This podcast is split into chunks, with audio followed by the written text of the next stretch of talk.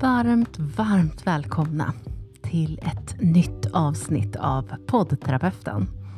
Och det är ju säsongspremiär. Vi kickar igång direkt med ett avsnitt som är del i serien Meningsfullt. Och Meningsfullt kommer återkomma lite grann här under säsongen. Det är lite kortare avsnitt men mer komprimerade, alltså mycket innehåll på lite kortare tid. Och idag gästas podden av Mattias och vi ska prata om en massa mål. Mikromål och delmål och långsiktiga mål och processmål.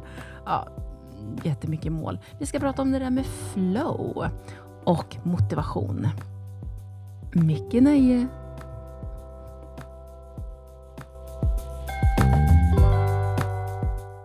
Varmt välkomna till ett nytt avsnitt av poddterapeuten och idag så har jag med mig igen bästa Mattias. Hej!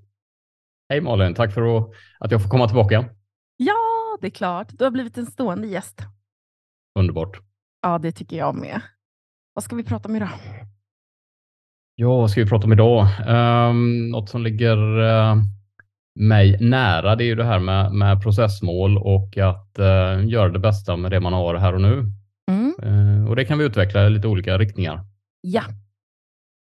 Processmål. Vad betyder det för dig? Ja, precis. Och det, det låter ju så, alltså ordet process i sig är ju lite slitet och intetsägande och sådär, men det är väl egentligen en serie små delmål. Ta små, små steg helt enkelt. Vi har olika metaforer, du vet. Uh, ja, tugga elefanten en bit i taget. Uh, ta ett steg i taget. Sådär. Och så det... Ska man tugga en elefant? Hur tuggar man en elefant? Ett steg i taget. Hur tuggar man en elefant? Det kanske var lite mer metaforiskt, men visst. Jag ser det verkligen framför nu, hur man liksom tuggar. Just tuggar också, inte bara äter den, utan den ska tuggas också. Precis, en bit i taget. Eh, delmål, mål eh, och process. Jag ser det liksom, processen ser jag som ett växande. Som en skog som du, som du själv planterar. Alltså du har din jord och du har dina frön. Och, och då, då, måste du ju, då kanske du inte vill börja med att vattna på jorden, utan du vill kanske först då, det första målet, då, delmålet, är att faktiskt plantera de där fröna. Eh, precis så, det är ju det är en annan take på själva process också då, att vissa, ja. saker, vissa saker behöver man göra och sen behöver vissa saker få gro helt enkelt. Det, ja, det, det, det, går inte att pressa på det liksom. Nej men precis, och om vi fortsätter på den, det är så spännande också för att man tänker då så här, ja men det växer ingenting. Precis som du säger, att eh, man kanske blir stressad och frustrerad. Att ja men det händer ju ingenting. Och så, så inser man sen efteråt att ja, men, åh, vad det händer saker under ytan. Just att det börjar bildas rötter och, och sådana saker innan det sen då börjar sprouta uppåt. Ja, jag tar väl upp den i min bok Mind Expander med bambu, bi bambu, alltså bi, eh, bambu metafor också. Då, liksom att det, för den, så som jag förstår att det är ju precis så att eh, det växer neråt först väldigt mycket med rötter och sådär och sen det händer ingenting under lång tid och sen bara exploderar det, går väldigt fort. Och det, det är ju det jag ser ja. hos coachklienter också i den personliga utvecklingen. Så att... mm. Vi ska ta ett avstamp från ditt inlägg som du hade på Instagram eh, om just det där med att, vad sa du nu, eh, det är processen som är livet. Ja, men jag, jag har drivit det rätt lång tid. Alltså det, det, dels är det väl ganska klassiskt inom mental träning, att man drar upp en linje. Liksom med, man mm. jobbar med vision, mål, delmål, aktivitet och själva aktiviteten är ju själva processmålet då egentligen. Aktiviteten um, är processmålet, ja men precis. Ja. Exakt. Och när, och när, man sätter upp en vision då, att den ska ju helst vara ouppnåelig nästan, alltså väldigt långt framåt kanske, att man aldrig kommer dit, utan det ska mer ange riktning och sen utifrån det sätter man ett, ett lite mer konkret mål då, som man kanske tänker sig nå på ett eller flera års sikt och bryter ner det ytterligare då i delmål, eh, kanske kvartalsvis, eh, tre månader, ett halvår, då ska jag vara där och där, till ehm, ner till liksom här och nu då.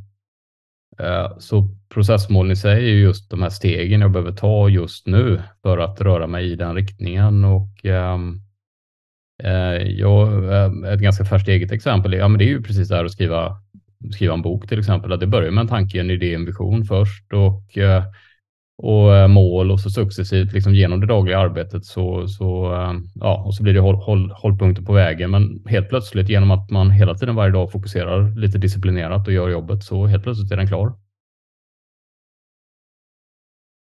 Så det, det är ett ganska bra exempel på just liksom den processen. Det som känns helt omöjligt, ouppnåeligt, långt in i framtiden i början. Liksom, och, men genom att liksom bygga strukturen då och sätta fokus på, eh, absolut ha målbilden, visionen och riktningen och de här delarna, men det ehm, eh, Alltså gör vi inte jobbet här och nu så stannar det ju vid en dröm. Då är det en tanke. Det är, det är som att springa milen utan att ta första steget. Det, det, det går liksom inte utan det, nej, man måste ta det här steget och det här dagliga arbetet och det är kontinuiteten då. Så att det, det, är väl egentligen bakgrunden till det som jag har tryckt på ganska hårt under lång tid. Det här med att eh, för att få det att hända så måste vi göra jobbet och eh, genom att, genom att bryta ner det väldigt, väldigt smått så blir det eh, mindre risk att skjuta upp det, prokrastinera. Eh, tar jag fem minuter, alltså det, jag kör mycket pomodoro, det kan ju vara att jag ställer timern på fem minuters jobb bara, eller ännu mindre. Liksom. Det handlar bara om att komma igång och göra någonting. Liksom. Och när jag sätter ett mål på fem minuter och, och, och klockan ringer så eh, får jag lilla dopaminkicken för jag har satt ett mål och jag har löst uppgiften. Precis, eh, jag gillar verkligen det där. Ehm, och jag tycker också om det där mikromål. Alltså man, det som sätts i rörelse håller ju sig i rörelse. Så att om, om du har problem med att ehm, göra någonting, till exempel som du säger, om du vill skriva en bok, så sätt, ehm, sätt en timer på en minut då. Och så sätter du ner och gör en minut. För det tror jag de flesta skulle klara av. Det klarar jag av. Jag kan sätta en timer på 60 sekunder och så, så sätter jag mig ner och så börjar jag skriva. Och det som händer när, när den här minuten har gått, det är ju att jag har satt någonting i rörelse och det håller sig i rörelse. Och då kan det bli så här, äh, vi kör en minut till. Äh, vi kör en minut till. Och sen så har man då innan också bestämt ett, ett tak, så att det inte blir att man sitter sen i sju år. Utan att det verkligen också, okej, okay, men om, låt säga, jag skulle sitta lite längre, så sitter jag max idag 15 minuter. Så. Och så helt plötsligt så har man suttit en kvart den dagen. Bara genom att sätta sig ner och bara vara bestämd med att om jag ska ta den där minuten idag. Och sen om det bara blir en minut, då är det också okej. Okay då har du fortfarande satt dig ner och gjort den där grejen. Det, apropå delmål, om man kan dra in det ännu kortare då, till de här mikromålen. Jag är helt med på det och eh, ibland så sätter jag kortare än en minut. Det handlar bara om att sätta sig och börja, börja göra. Liksom. Och, eh, och, och sen sätter jag, så som jag använder det är det, det, är egentligen en startpunkt för att komma igång. Jag har, ganska, jag har tränat upp förmåga att gå in i flow och jag, jag gör det ganska enkelt. Eh, eh, men om man inte hamnar i flow, då vet jag att klockan ringer efter en kvart eller 25 minuter eller någonting. Då, då slipper, jag, slipper jag skiten. Alltså då, då, får jag, då får jag rast och göra något annat. Då liksom. Men eh, skulle jag hamna i flow då, eh, och jag inte har något annat som eh, blockerar och så där, då, då stannar jag där och kör. För det kan ju vara två, tre timmar otroligt produktivt, effektivt, kreativt arbete. Alltså det, det kan ju lösa ut flera veckors eller månaders jobb. Ja, precis. Och det är också där vi ofta är som lyckligast om man tittar på flow-boken. Jag kan inte uttala hans, författarnas namn där, men, mm. men eh, forskningen bakom flow, att eh, det är ju där vi är som lyckligast också när vi är i transtillstånd och, och bara gör det vi brinner mm. för, vår passion. Jag har ett problem med den, för att jag kan ju verkligen hamna i den där eh, och då kan jag sitta i timmar, ibland dagar och skriva, skapa, göra mitt content Eh, och jag glömmer bort allt annat. Och Det är jättehärligt och jag är jättelycklig och jag är här och nu och jag är i trans och allt det där. Och så glömmer jag att ta ut soporna, laga mat, gå på toa, ringa mina vänner, uppdatera min familj. Typ, alltså nu hårdrar jag alltihopa, det är inte riktigt så det är. Men alltså, du förstår själva grejen. Mm. Så det där är en utmaning för mig också. Och i andra änden, att oh, ja, men jag vet också att jag måste verkligen eh, breaka den här rörelsen. Men det är så svårt att göra det när man är i flow, för då vet man inte, oh, men när kommer flowen nästa gång då? Sådär. Jag tycker den är klurig. Ja, den är klurig. Jag, jag upplever inte det problemet, för min hjärna säger stopp. Jag blir helt... Eh, då måste jag gubbsova liksom. Jag blir helt slut. Så det, ah, då, och då ramlar jag ut och då, så då löser det sig automatiskt lite grann. Ah, och så där är inte jag, för då har jag en växel till, och så en växel till, ja. och så en växel till. Och så inser mm. man inte att jag håller på att köra slut på alla mina förråd. Nej. Och sen kraschar jag efteråt. Ja, jo, nej, det, äh, men där har jag varit också. Jag förstår det. Och då, och då det är det lite grann att man mobiliserar adrenalin och går på liksom den, eh, det yeah. trycket. Då liksom. men, men då tömmer man ju resurserna med. Och då, då kan man ju behöva liksom jobba med det tvärtom. Då, att man lägger in bromsen längre fram. Att man schemalägger bromsen helt enkelt. På något sätt. Ja, men precis. Så det handlar ju verkligen om ja, vad du är för slags personlighet och vad du har med dig och vad du har för olika drivkrafter. Och för jag vet att min mamma är likadan. När hon sätter sig och skriver, hon skriver ju en hel del, så när hon sätter sig och skriver, då bara allting annat försvunnet. Mm. Jag vet att vissa författare brukar ju säga det också. Att eh, hela månader, ja, nästan ett år kan försvinna från deras liv när de är inne i en bok. På ja, det sättet då. Ja, precis. Och det, det, jag, nu vet jag inte hur vanligt det är, men jag upplever det... Nej. Eh, nej, men lite grann de jag jobbar med, um, jag ska inte säga att det är tvärtom, men det kan vara en utmaning att man, man, det är så mycket distraktioner som kommer från olika håll så man blir störd hela tiden. Så det är nästan problemet åt andra hållet att liksom kunna både uppleva det, skapa tiden, skapa öarna för det. Uh, så där är vi olika, men det, det finns ju för och nackdelar med allt om man säger så. så att, ja. Men jag gillar verkligen det som du sa i klippet också, det där med att försöka hitta roligheten. Att ha kul, och det är ju lätt, kanske ni som lyssnar, tänker så här, det är roligt, och, eller det är lätt att ha kul. Men, men det är någonting också i det där att hitta saker i livet som också skänker dig inre glädje i det du gör. För att det blir på något vis då som en inre motivation att fortsätta göra de här sakerna. Um, till exempel, jag har ju min hobby, min, mitt lilla hobbyhus. Och när jag gör med det, då skänker det verkligen mig inre glädje. Och det, det är så hälsosamt för kroppen. Det är verkligen sådär oxytociner och dopaminer och serotoniner. Ja, men du vet, allt det där frigörs.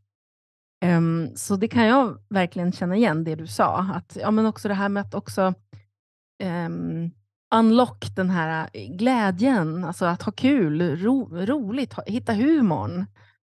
Um, för när du hittar humorn i det du gör, glädjen i det du gör, då har du tillgång till hela dig. Då har du tillgång till alla dina delar också. Till din intelligens, snabbtänkande, um, analyserande, uh, du andas lugnare. Um, ah, så, så det där är verkligen också ett trix. Att om du vill sätta igång med någonting uh, och du har liksom ditt mål, att verkligen också sätta delmål, vissa av dem verkligen som känns också lustfyllda för dig. Så att du hittar den där inre lusten. Ja, men det är en bra övergång för att liksom själva bakgrunden till klippet det är, det är en djupare nivå på det. Det är en annan take. Liksom. Det är det här med um, det är precis liksom att försöka njuta av det, fokusera på det som är kul.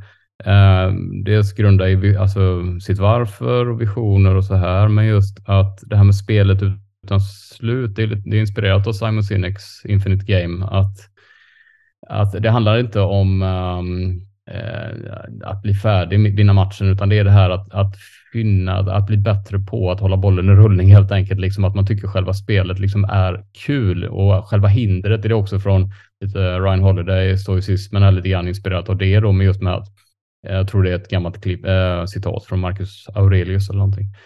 Um, att själva hindret är vägen. För att det, det när vi bara står och tittar på det så, så bara växer det. Eh, och vi, vi, måste börja ta eh, delar, vi måste ta små steg, vi måste börja göra vissa saker. Jag ringer någon, jag skickar ett mejl, jag, jag testar det här. Alltså, att börja sakta men säkert pröva sig fram och göra den processen lustfylld. Liksom att det är det här som är problemlösningen och tycka att det är roligt att liksom, lösa problemen successivt, ett, ett i taget. Liksom. Ja, jag förstår precis. Och sen gärna att koppla sitt varför, som du sa. Försöka koppla det till, eh, till en känsla. Då blir det väldigt starkt. Precis, och jag, jag trycker på det, alltså rätt eller fel, men eh, alltså, även då frustration, irritation, alltså det här um, um, alltså smärtan om man säger så, använd, ja. använd det som drivkraft.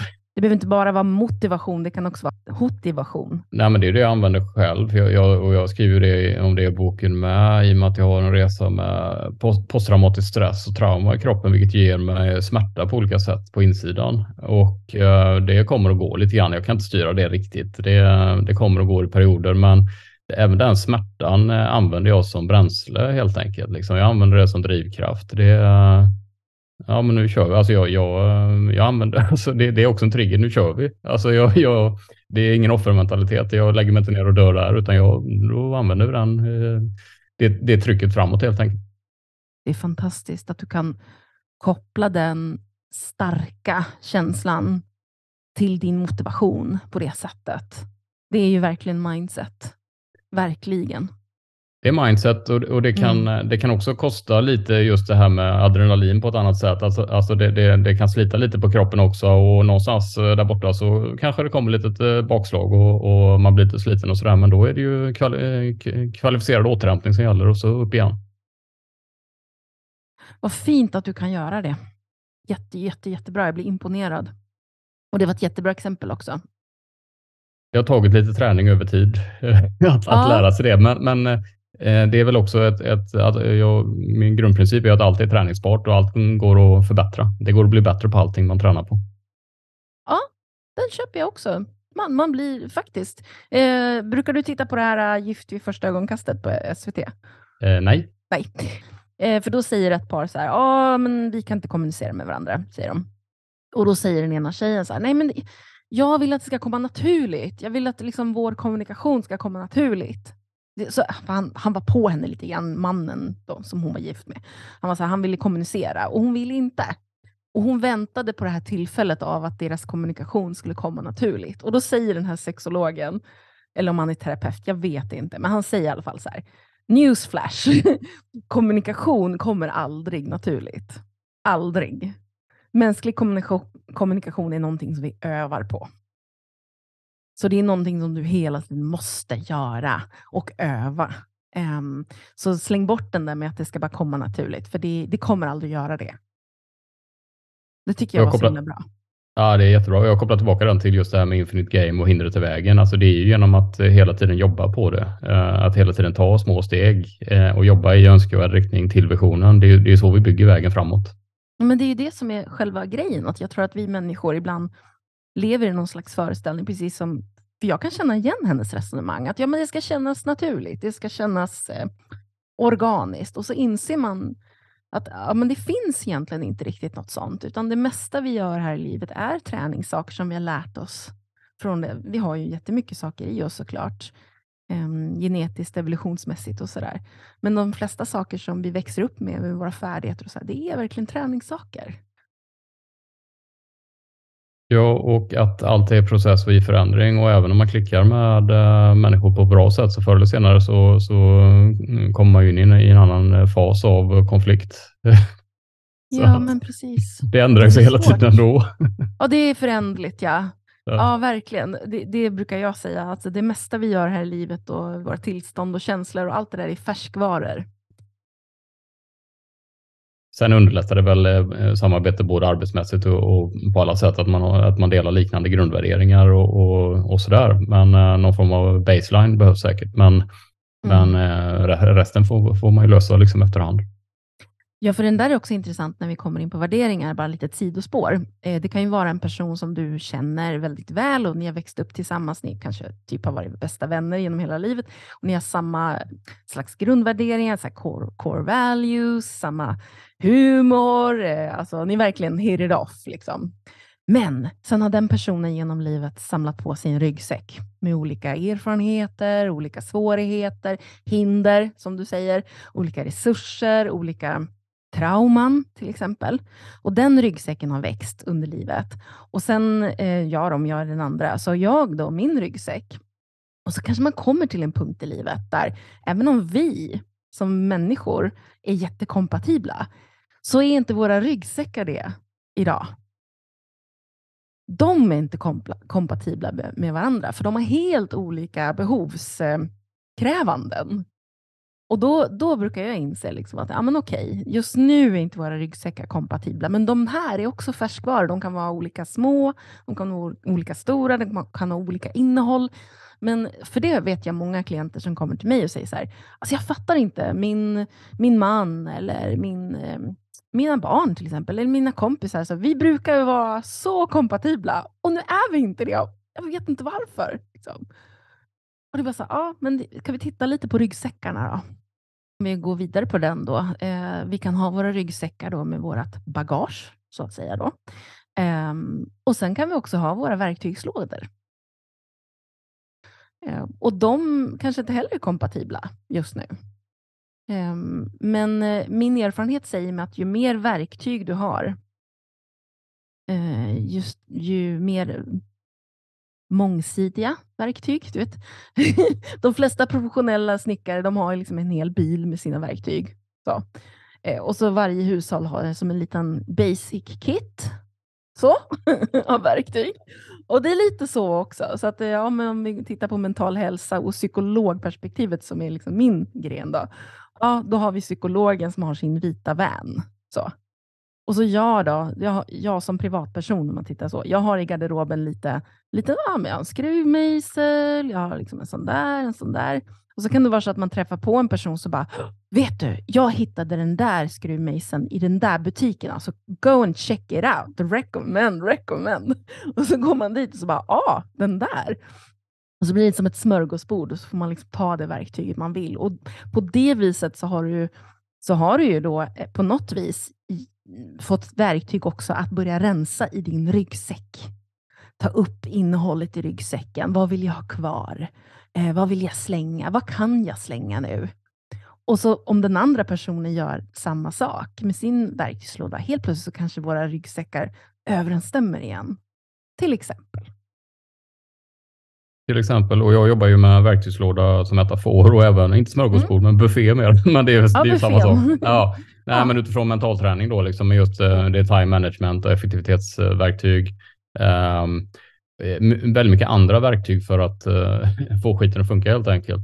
Och Men, ja, men det, det, är också en frustration. Det, det är lite drivkraft till att du skriver boken och göra det tillgängligt. Alltså, mycket av det här finns ju där ute och folk känner till lite grann, men man har inte liksom gått från ord till handling. Man har inte testat och tränat. Och sen är det färskvara också. Man glömmer av saker, glömmer bort saker. Och just det, man kan plocka fram det här och testa det ett tag. Det kan behövas just nu. Precis.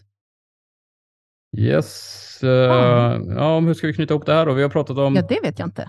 det vet jag inte. Nej, men alls, allt det här med att åstadkomma, liksom att, att eh, ja, egentligen sitt eget självförverkligande egentligen då, det är ju vision, mål, delmål, aktivitet. Det, det, det är grunden i mentalträning i alla fall. Eh, vi har pratat liksom processmål, att, och gå djupare i det här med processmål, att zooma in på spelet utan slut, njuta av själva resan, processen, eh, göra jobbet, ta små steg, ha kul Precis, ha kul på vägen och så bara låta resultaten komma som en konsekvens. Det blir eh, mitt outro. ja, det var jättebra sammanfattat.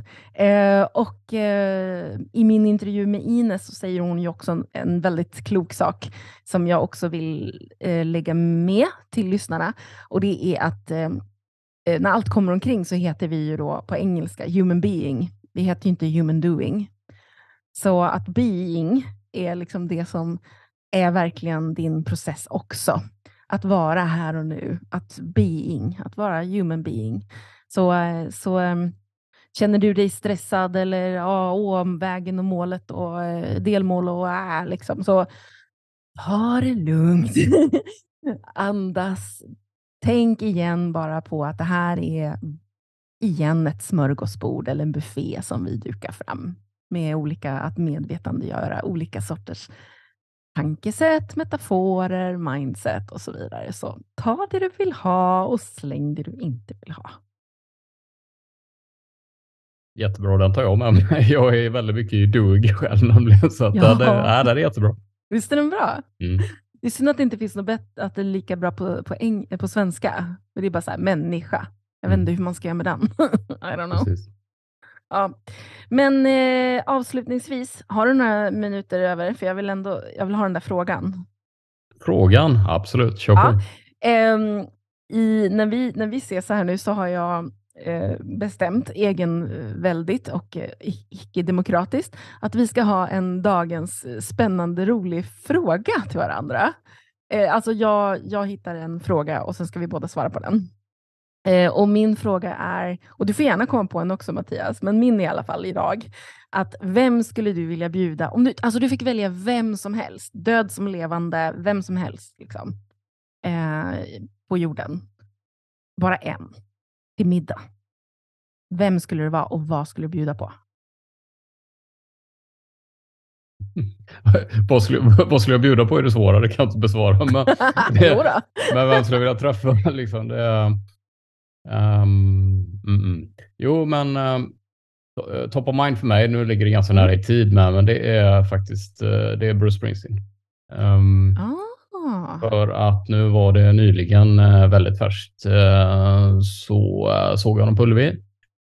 Och det är um, en av mina stora förebilder och jag kan utveckla varför lite grann. Det, mm. Och då, då, är det inte första hand musiken, den är bra. Men det han, um, på tal om det här, han, han, han, för mig så symboliserar han det här med Infinite Game. Uh, det är, han är portalen av någon form av energi. Han, uh, uh, den kraften, den energin, det brinnet eh, hela tiden göra sitt eh, allra, allra bästa utifrån de förutsättningar man har. Han, han, alltså den energin, den, den kraften, passionen, det, det han gör. Han går inte bara alltså en vanlig dag på jobbet, utan det, det är sån total urladdning när han är på scen och det han mm. levererar. Mm. Och det är det som är, det är otroligt inspirerande, upplever jag.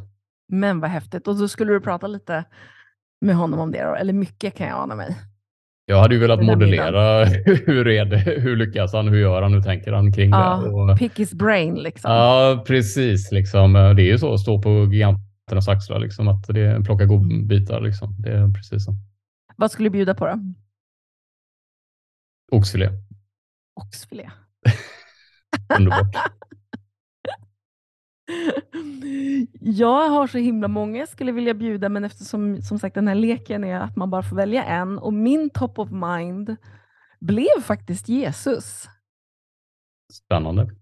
Ja, coolt skulle det vara att få sitta och snacka lite med honom.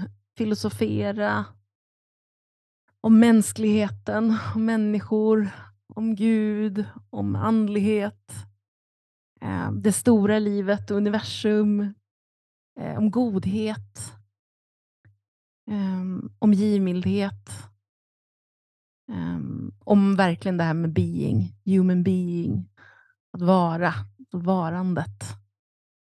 Um, och jag skulle bjuda på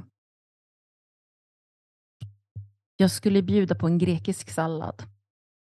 För det älskar jag. Med solvarma tomater och fetaost och massa oregano, och olivolja. Ja, vi skulle ha det väldigt bra. Låter väldigt inspirerande och gott. Ja. Oh. Och du som lyssnar nu, vem skulle du vilja bjuda? Och vad skulle du bjuda på? Kan du fatta vilken cool eh, parmiddag det skulle bli Mattias med Bruce, eh, jag, du och Jesus? Ja, coolt, det kör vi på. Ja, det kör vi på. Får Momo vara med? Hon måste faktiskt få vara med, för hon ligger här bredvid mig nu och tycker att hon vill vara med. Nu är det så här, nu har jag lärt mig en sak av Mattias, det är att när han blir tyst, då vet jag att han behöver gå. Eh, kära lyssnare. Och nu har han blivit tyst, så nu ska vi verkligen säga hej då, för jag har tamburkoma. jag släpper aldrig mina gäster. Men som sagt, nu har jag lärt mig att när Mattias är tyst, då är det definitivt dags. Eh, eller hur Mattias? Ja, då, då är hjärnan tom. då är din hjärna tom. Den har blivit grillad halloumi, som jag brukar säga. Du behöver fylla på den. Precis. Kaffe. Kaffe. Tack så jättemycket för idag. Det var jättespännande ämne. Tack själv. Mycket bra jobbat av dig. Ja, du med.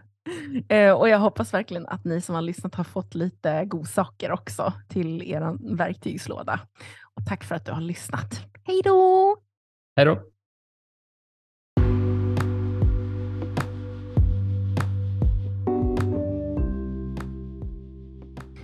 Och det där var allt för dagens avsnitt av poddterapeuten. Stort tack Mattias för att du delade med dig och hade ett härligt samtal tillsammans med mig. Nästa vecka så blir det ett samtal om och vi pratar om hur det är att leva med sjukdomen ME. Och podden gästas alltså av Angelica. Och veckan efter det så kommer säsongens första lördagsfika. Lördagsfika med Malin och Erika. Och veckan efter det så kommer säsongens första poddterapi. Vi har en fantastisk inringare som har ett problem som vi ska diskutera tillsammans. Ni hör ju själva, vi börjar med en fantastisk uppsättning gäster och avsnitt. Jag ser så mycket fram emot den här säsongen, att få hänga tillsammans med er. Och eh, ja, vi hörs snart igen hoppas jag. Hej då!